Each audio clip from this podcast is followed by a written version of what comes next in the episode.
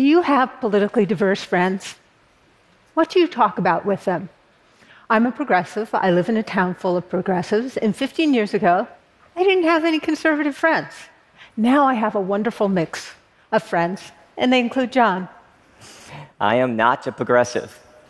I'm a Republican who grew up in a Republican family in the conservative South and even worked in Republican politics locally and the national level. But the last 24 years, I've been in technology and living in a very progressive area. So I have a lot of progressive friends, including Joan. So I was born in Berkeley, California, a notoriously progressive college town. And I live there now. In 1998, six months into the Monica Lewinsky Clinton impeachment scandal, I helped co found MoveOn.org with a one sentence petition. Congress must immediately censure the president and move on to pressing issues facing the nation. Now, that was actually a very unifying petition in many ways. You could love Clinton or hate Clinton and agree that the best thing for the country was to move on. As a leader of Move On, I saw the polarization just continue. And I found myself wondering why I saw things so differently than many people in other parts of the country. So in 2005, when I had an opportunity to get together with grassroots leaders across the political divide, I grabbed it. And I became friends with a lot of people I'd never had a chance to talk to before. And that includes leadership in the Christian coalition, often seen as on the right, the way Move On is seen as on the left. And this led to me showing up on Capitol Hill with one of the Christian coalition leaders, my friend, to lobby for net neutrality. That was powerful. We turned heads. So this work was transformational for me. And I found myself wondering you know, how could vast numbers of people have the opportunity to really connect with people that have very different views? I was born in Oneida, Tennessee, right across the state border from a small coal mining town, Stearns, Kentucky. And I lived there for the first few years of my life before moving to another small town, Frankfort, Kentucky. Basically, I grew up in small town America, conservative at its heart. Now, Stearns and Berkeley, they're a little different. so in the 90s, I moved out, out west to a progressive area to work in technology. Worked at Microsoft, worked at Netscape, actually became the product manager lead for Netscape Navigator, the first popular web browser. Now, in the early days of the internet, we were just moved and inspired by a vision. When we're connected to all these different people around the world, and all these different ideas, we'll be able to make great decisions and we'll be able to appreciate each other for the beautiful diversity that the whole world has to offer. Now, I also 20 years ago gave a speech saying it might not work out that way. That we might actually be trained to discriminate against each other in new ways. So, what happened? It's not like we just woke up one day and decided to hate each other more. Here's what happened there's just too much noise, too many people, too many ideas. So we use technology to filter it out a little bit. And what happens? It lets in ideas I already agree with. It lets in the popular ideas. It lets in people just like me who think just like me. That sounds kind of good, right?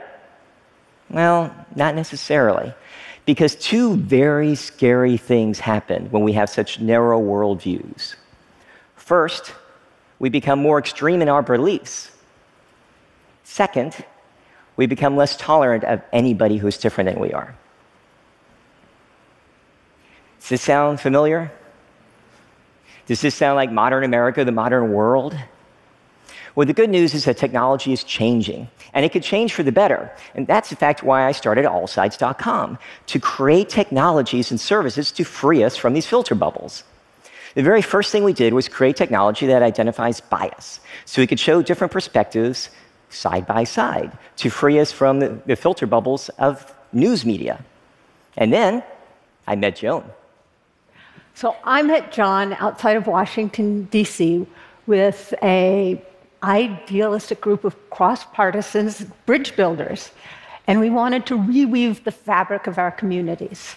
We believe that our differences can be a strength, that our values can be complementary, and that we have to overcome the fight so that we can honor everyone's values and not lose any of our own. I went for this wonderful walk with John where I started learning about the work he was doing to pierce the filter bubble. It was powerful, it's brilliant. You know, living in separate narratives is not good. We can't even have a conversation or do collaborative problem solving when we don't share the same facts. So, one thing to take away from today is if Joan Blades asks you to go on a walk, go on that walk. It changed things. It really changed the way I was thinking about things. To free ourselves from the filter bubbles, we can't just think about information filter bubbles, but also relationship and social filter bubbles. You see, we human beings, we're not nearly as smart as we think we are. We're, we do not generally make decisions intellectually, we make them emotionally, intuitively, and then we use our big old brains to rationalize anything we want to rationalize. We're not really like Vulcans like Mr. Spock. We're more like bold cowboys like Captain Kirk or passionate idealists like Dr. McCoy. Okay, for those of y'all who prefer the new Star Trek crew, here you go. Don't forget the strong women. Come on, strong, strong women. women. All okay. All right. John and I are both Star Trek fans. What's not to love about a future with that kind of optimism? And having a good future in mind is a big deal, very important. And understanding what the problem is is very important, but we have to do something. So, what do we do? It's actually not that hard. We have to add diversity to our lives, not just information, but relationship diversity. And by diversity, I mean big D diversity, not just racial and gender, which are very important, but also diversity of age, like young and old, rural and urban, liberal and conservative. In the US, Democrat and Republican.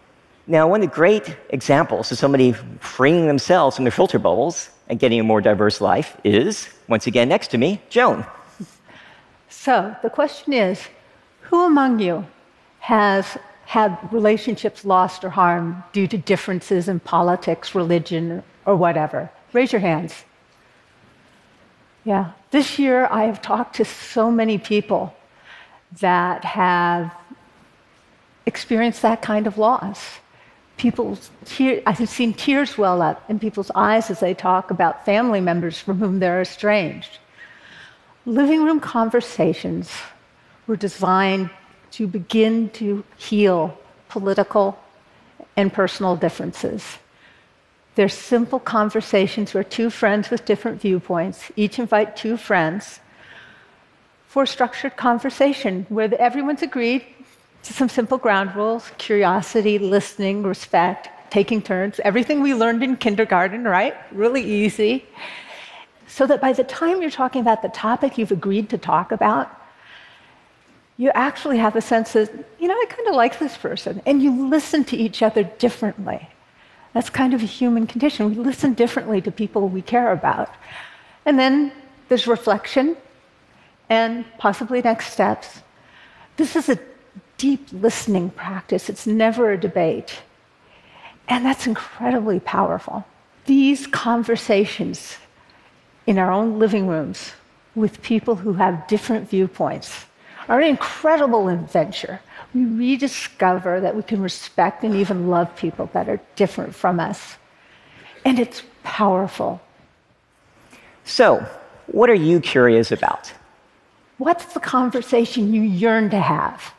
Let's do this together. Together. Yes. Thank, Thank, you. you.